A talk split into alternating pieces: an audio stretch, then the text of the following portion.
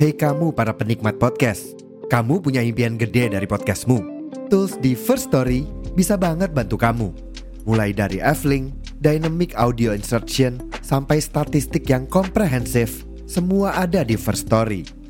Gak ketinggalan, kamu bisa monetisasi podcastmu lewat iklan dari First Story Ads yang bisa kasih kamu penghasilan dari setiap place podcastmu. Yuk gabung sekarang dengan klik di firststory.me. Sekali lagi, di firststory.me. Mari kita bawa mimpi podcastingmu menjadi kenyataan.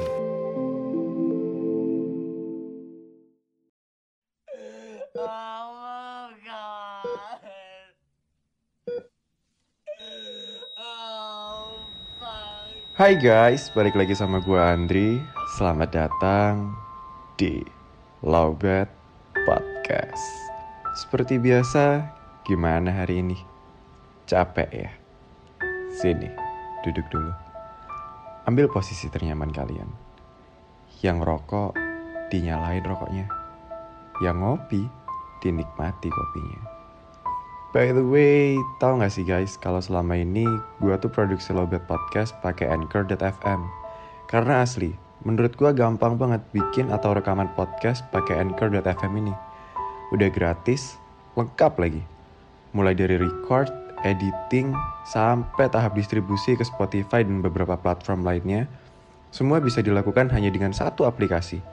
Buruan deh, download Anchor.fm di Play Store atau App Store dan mulai podcast kalian sendiri. Sebelum episode ini dimulai, jangan lupa untuk follow, nyalain lonceng notifikasi, dan bantu kasih bintang ya.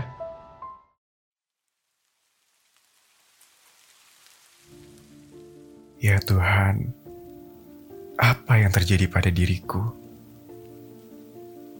Apa yang harus kulakukan? Apa yang sebenarnya terjadi di sini? Kenapa aku tak bisa merasakan apa pun?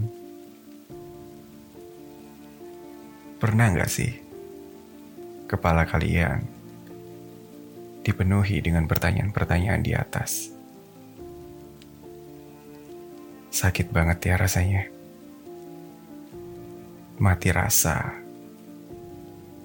Tapi dengan keadaan yang sadar.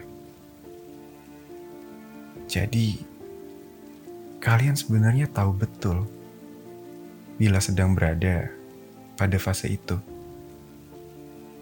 Tapi, karena tak berdaya dan tak tahu harus berbuat apa, akhirnya kita hanya bisa melakukan denial karena tak percaya dengan apa yang terjadi. Ingin berteriak minta tolong, tapi rasanya percuma karena dunia tak pernah peduli dengan kondisi dan hal apa yang sedang kamu hadapi. No matter what, life must go on. Entahlah. Bahkan, aku sendiri belum tahu caranya untuk menyembuhkan hal ini secara mandiri. Yang ku tahu, mati rasa hanya bisa disembuhkan oleh cinta yang tulus. Masalahnya, bagaimana mungkin kita yang sudah kelelahan ini bisa mencari cinta yang tulus tersebut?